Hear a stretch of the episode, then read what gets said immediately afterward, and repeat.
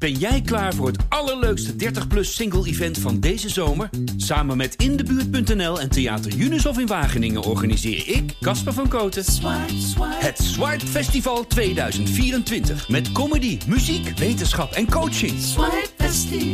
Maar vooral heel veel leuke mensen. Bestel nu je kaart op swipefestival.nl. Swipe, swipe. Welkom bij een gloednieuwe pitstop. We blikken terug op de Grand Prix van Turkije. De Grand Prix die niet werd gewonnen door Max Verstappen. Niet werd gewonnen door Lewis Hamilton, maar door Valtteri Bottas. Dat is ook wel eens een keer leuk voor hem. Max Verstappen eindigde als tweede. Er gebeurde uiteindelijk toch nog genoeg in Turkije. Alhoewel sommige mensen zeggen... het was misschien een saaie race. Daarover ga ik vandaag praten met onze man in Turkije, Rick Spekerbrink. Mijn naam is Etienne Verhoef. En dit is dus uh, Pitstop. Rick, was het een saaie race of niet? Uh, ja en nee. Um, eigenlijk wel. Hè. De, als je ziet vooraf dat het asfalt nat is en je weet dat Hamilton op plek 11 start. En uh, nou ja, wat er allemaal op het spel staat, dan verwacht je uh, spektakel en, en uh, glijpartijen of een safety car of nou ja, weet ik het. Maar dat bleef allemaal uit en dan toch, maar misschien komt het gewoon omdat ik die sport leuk vind, maar dan toch is het een spannende race. Omdat je niet precies weet wat gaat Hamilton doen, hoe pakken de tactieken uit, wat gebeurt er met al die banden. En je houdt altijd in je achterhoofd het is nog steeds nat, het blijft nat. Wie weet schiet er alsnog iemand vanaf. Ja, en met zoveel op het spel, hè, die, die wereldtitel, is, is het, kan het eigenlijk niet meer saai zijn. Hoewel dit inderdaad eigenlijk een saaie race was. Ja, want, want Verstappen kon Bottas het niet lastig maken. We had a, in general quite a, a decent race. Um, I think we maximized the result. Valtteri was uh, a little bit faster, but of course this whole weekend we were a bit behind in pace compared to Mercedes. En Hamilton kon het uiteindelijk Verstappen en Bottas niet lastig maken. Nee, precies. Ik denk Verstappen heeft niemand ingehaald, is niet ingehaald. Heeft uh, uh, alleen in het begin uh, Bottas gezien en, en, af en toe Leclerc in zijn spiegels, maar had een vrij eenzame race. Zei ook van ik moet, moest zorgen dat ik wakker zou blijven, omdat je toch ook alweer zo een foutje maakt, zeg maar. Ja. Dus die had ja, zo'n race die hij vroeger ook wel eens had, hè, dat weet je in niemandsland grotendeels. Dus ja, maar goed, wel punten binnenhalen. Dat is uiteindelijk het belangrijkste, toch, voor hem? Nou ja, zeker. En kijk, meer dan plek 2 zat er niet in. En als dan in de slotfase uh, Hamilton van 3 naar 5 gaat, ja, dat, dat is zo'n dikke bonus. Dat, dat, uh, die wordt uh, met dankbaarheid ontvangen natuurlijk bij Verstappen en Red Bull Racing. Ja, want dat was misschien wel de grootste verrassing van die hele race. De beslissing om Hamilton naar binnen te halen, dat was eigenlijk een, een foute call, toch, van het team, of niet? I mean, I've only just got out of the car, so uh, I don't have all the information. But I feel like I should have stayed out. My gut feeling was to stay, and I should I feel like what I should have done. Ja, dat, dat denk ik wel. En, en volgens mij denken veel mensen dat. En uh, uh, Hamilton zelf ook.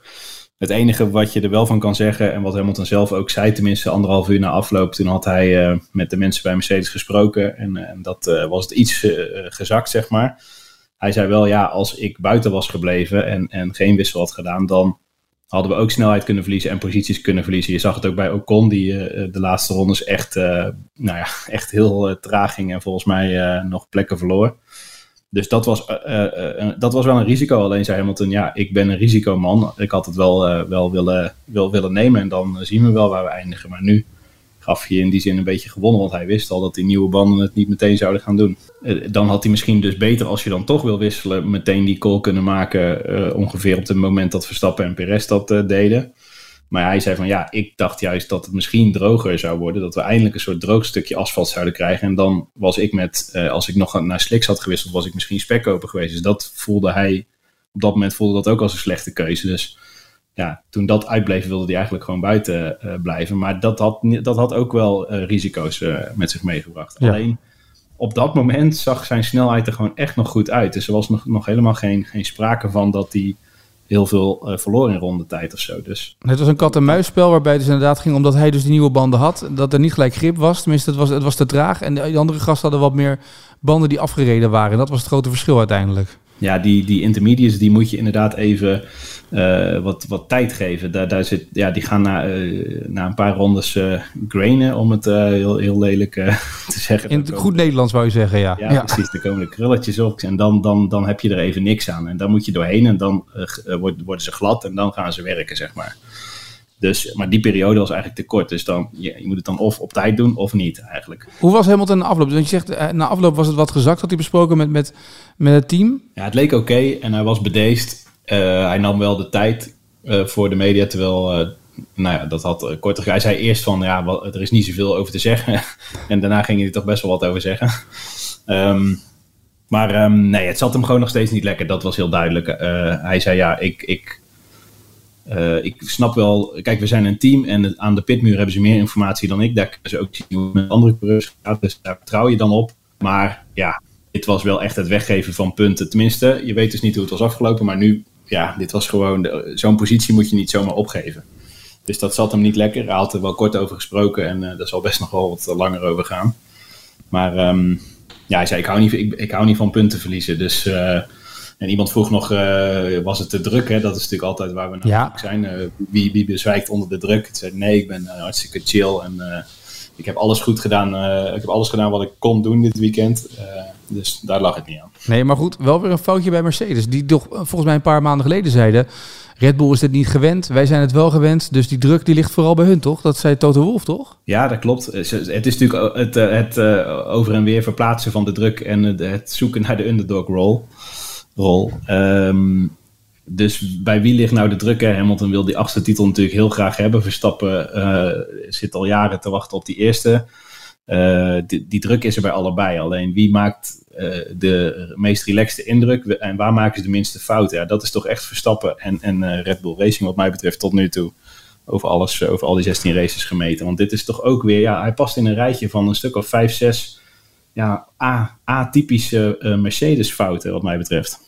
Ja, en daar zat nog één ander ding bij. Ik zat uh, vrijdagavond naar het Formule 1 café te kijken bij Ziggo. En daar kwamen ze met een staartje over de resultaten dit jaar van, uh, van de twee coureurs, van Verstappen en van Hamilton. En je ziet bij Verstappen, als hij niet uitvalt of eraf wordt gereden door Hamilton of door Bottas, dat hij altijd op plek 1 of 2 finisht dit jaar. Ja. Bij Hamilton zie je veel meer verschillen erin zitten. Hij wint hem, hij heeft ook minder gewonnen dan Verstappen dit jaar. Maar je ziet echt een verschil daarin. Verstappen is veel constanter. Ja, zeker. Kijk naar pole positions, naar overwinningen, naar rondes aan de leiding. Het was geloof ik 470 tegen 160 uit mijn hoofd zoiets in die, in die uh, orde van grootte waar, uh, als het gaat om de rondes die ze aan de leiding hebben gereden.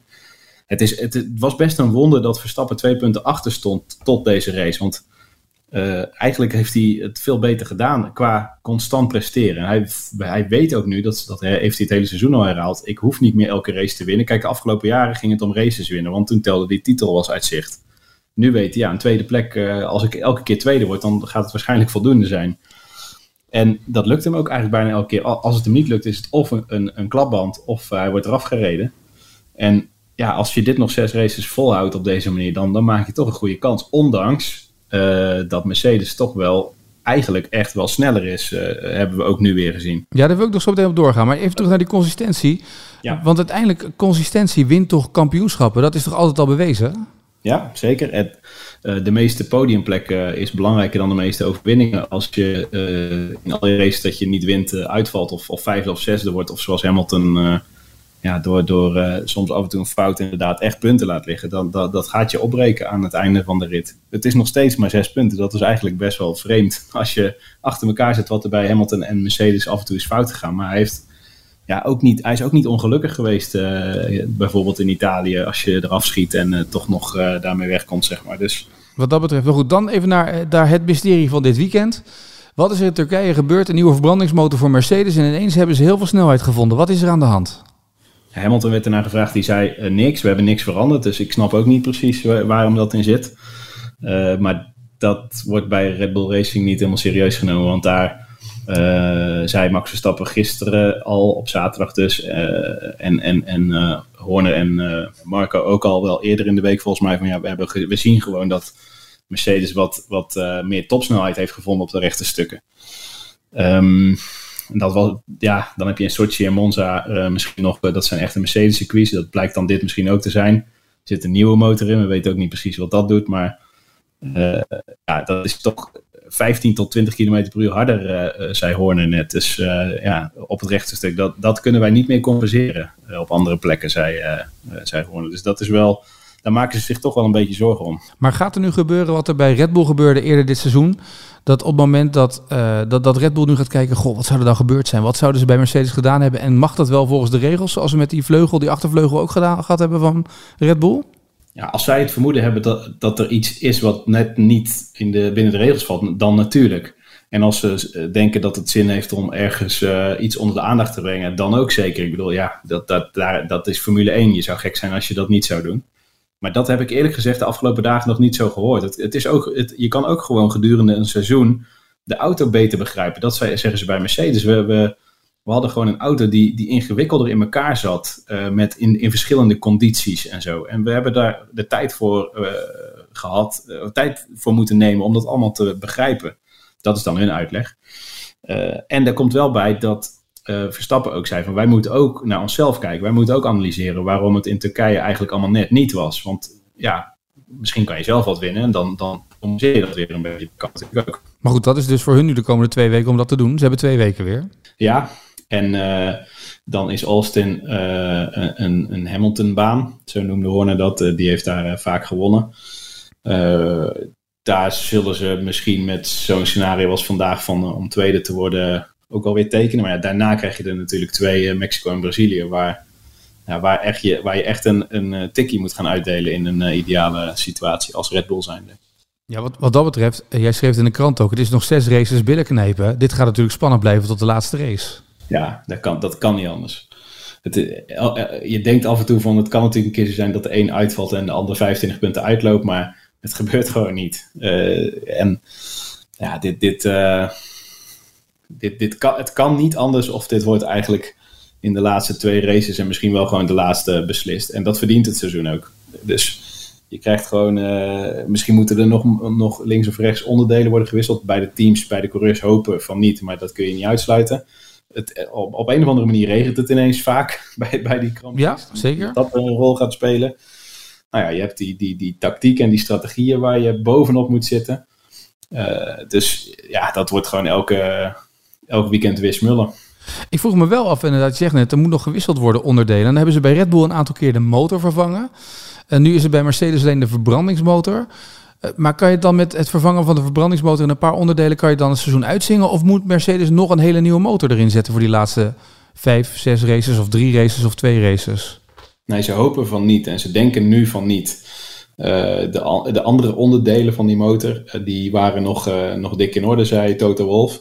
Um, Zou ik ook zeggen hoor, in de strijd als het gaat om een psychologisch spelletje. Zou ja, dit ook zeggen? Ja, natuurlijk, dat is zo. Maar uh, ze hebben ook nog wel in de pool uh, één of twee motoren. Dus dat kan ook altijd nog uh, uitkomst bieden. Dus beide teams gaan hopen dat, het, dat dit het was. Wat, kijk, hoe verder je in het, in het, op de kalender komt, in het seizoen komt, hoe duurder zo'n straf kan worden natuurlijk. Dus je probeert, ik denk dat ze allebei hebben geprobeerd de afgelopen weken om dat op een goed moment te timen.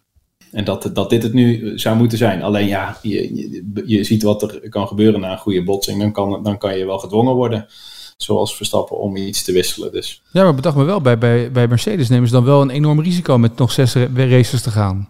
Nee, maar ze zeggen dat, dat het in die verbrandingsmotor zat. Dus dat dat risico nu... Nu weg is. Ja, maar ja, wat jij zegt, hè, je, ze, ze, gaan ook niet tegen ons vertellen dat ze zich heel veel zorgen maken over allerlei onderdelen. Zou wel leuk zijn een keer. Zou wel leuk zijn als gewoon, hè, eh, als iemand dan gewoon zegt, joh, eh, weet je wat, ja, het zit toch niet heel lekker bij, uh, bij de toevoer daarvan. Dat moet eigenlijk anders. Ze moeten het toch nog wel vervangen. Het zou wel leuk zijn, ik toch? Zou, ik zou er veel voor over hebben om, om de komende weken uh, in die, bij al die gesprekken te zitten bij beide teams. En te horen wat ze daar allemaal uh, overwegen en waar ze het allemaal over hebben. En, ja, want daar gaat het toch nu om één ding. Die, die teams zitten toch naar elkaar te kijken. Wat hebben zij gedaan? En ze zijn alleen maar aan het doorrekenen, doorrekenen, doorrekenen, toch? Dat is toch hetgeen wat er nu allemaal gebeurt? Ja, maar de, en, en, en, en kijken naar je eigen zwaktes en, en, of daar nog iets te vinden is. Dus Horner zei, het is nu gewoon huiswerk doen, simulatorwerk doen koppen bij je houden, rustig blijven, race voor race, niet je gek laten maken. En ja, dan, dan, dan zien we het wel. En wat ik opvallend vond, Verstappen zei zowel donderdag als vandaag. ik sla, ik, nou ja, mijn leven verandert niet of ik eerste of tweede word. Dat, dat, dat nou ja, oké, dat geloof ik op zich wel. Dat, kijk, hij is natuurlijk in deze sport begonnen om wereldkampioen te worden. Dus op, op zich lijkt het een hele bagatelliserende uitspraak van, nou ja, we zien het wel. Zo bedoelt hij dat niet. Maar hij zei ook vandaag, ik, ik zal er toch geen minuut minder om slapen, want ik, we doen er alles aan en we werken er keihard aan. Ja, als het dan plek 2 is, dan, uh, dan hebben we een mooi seizoen gehad. En, en uh, dat, is, dat zijn opvallende opvallende woorden zo om, het, om, om, de, om de druk een beetje weg te nemen misschien. Maar hij lijkt het ook wel serieus te menen. Alsof, het, alsof hij alsof hij er net iets anders in staat dan de afgelopen jaren. Waarin, waarin hij zei, ja, ik kom hier maar voor één ding. En nu zegt hij, ja, tweede is ook goed als dat de situatie is. Ik snap wel, als je het niet in de hand hebt en, en, het, uh, en, en je hebt er alles aan gedaan en, en, het is tweede, ja, dan, dan houdt het ook op. Dan kan je er ook niet veel meer aan veranderen. Maar maar toch, zo, kennen we hem eigenlijk niet helemaal. Nee, uh, nou, nou, moet ik wel zeggen, nou, nou kom je met deze uitspraak van Verstappen. Dan moest ik nog even denken deze week aan uh, een tweet die Ben Hunt stuurde. Dat is een van de journalisten die uh, Formule 1 op de voet volgt. Doet het onder andere voor de Sun volgens mij, ja? Ja, klopt. We hebben hem een keer... ja, we hebben hem ook in de podcast, hè? En, en hij schreef over die persconferenties die voor de races worden gehouden... dat het allemaal maar ja, het zijn allemaal kindervragen die er tussendoor komen. Er is geen ruimte meer om journalistieke vragen te stellen. Je hebt allemaal maar vijf minuten gesprekken en het mag al maar kort, kort, kort. Hoe ervaar jij dat? Is het, is het anders geworden, de Formule 1 in de loop der jaren? Dit gaat voor een aanzienlijk deel heeft dit met corona te maken. Mhm. Het zijn nu uh, Zoom persconferenties. Wat ik zag toevallig een, een de, Britse tennis, de Britse organisatie van tennisjournalisten heeft de tennisbonden opgeroepen om te stoppen met Zoom. Want overal komen tienduizenden fans en de journalisten die er te plekke zijn, die moeten dan achter hun laptop gaan zitten om een interview te doen. En dat is eigenlijk gekkigheid. En dat is in de Formule 1 niet anders. Um, en het nadeel van die Zoom-gesprekken is dat je een andere interactie hebt met, uh, met uh, degene die je spreekt. Uh, en dat er een moderator is die dus bepaalt wie de vraag mag stellen of die zegt van het is nu tijd. Maar Um, en en zo'n kindervraag, ja, uh, dat is allemaal hartstikke leuk, maar dat, dat gaat wel inderdaad anderhalve minuut van toch al maar uh, tien of twaalf minuten gaat er weer vanaf. Um, alleen het enige wat, ja, ik bedoel, het was altijd al beperkt. Het is al niet zo in de Formule 1 dat je eens rustig een half uur of drie kwartier met iemand kan zitten. Dat, dat is, dat is in de, laatste jaren, tenminste sinds ik het doe, was dat al niet zo. Alleen het is er niet per se beter op geworden in, in die zin. Dus ik snap, wel, ik snap zijn punt wel. En zeker bij, uh, bij Hamilton, ja, je zag het vandaag ook, zitten tientallen journalisten in. En uh, ja, die sessie die duurt zes minuten. En als je niet heel snel je handje opsteekt in Zoom, dan heb je sowieso pech. Dus ja, dat is wel, het is af, en toe moeilijk werken. Ja, dat is, uiteindelijk wil je het verhaal vertellen voor de lezers, of in dit geval voor de luisteraars. Wat dan natuurlijk wordt verteld, je wilt opschrijven. En dat is het meest makkelijk als je natuurlijk ergens de ruimte hebt. Ik snap ook dat die jongens niet iedereen één op één kunnen geven. Dat is een ander verhaal.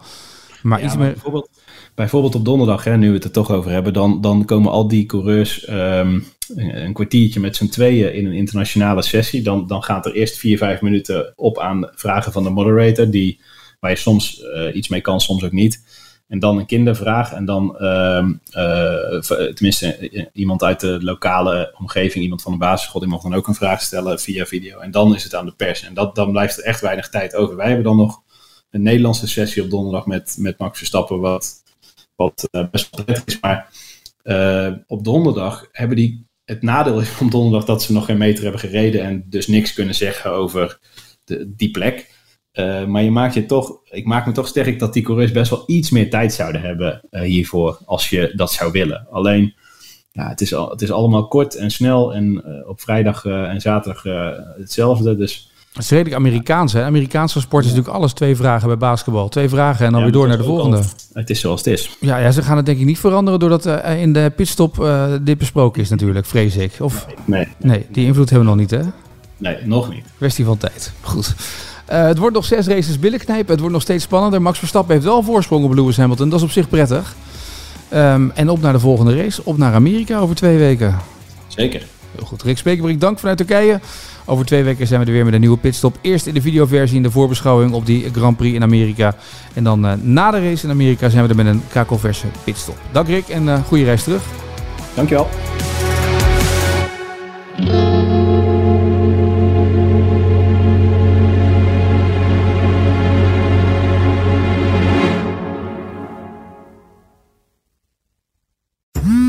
Dagelijks overladen met overbodige informatie. En het is moeilijk de zin van de onzin te scheiden. Daarom vertrouw ik op echte journalisten in plaats van meningen.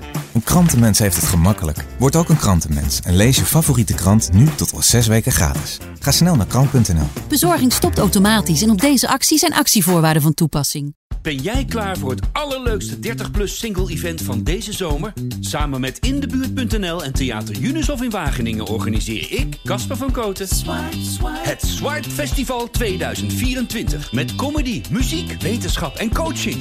Festival. Maar vooral heel veel leuke mensen. Bestel nu je kaart op swipefestival.nl. Swipe, swipe.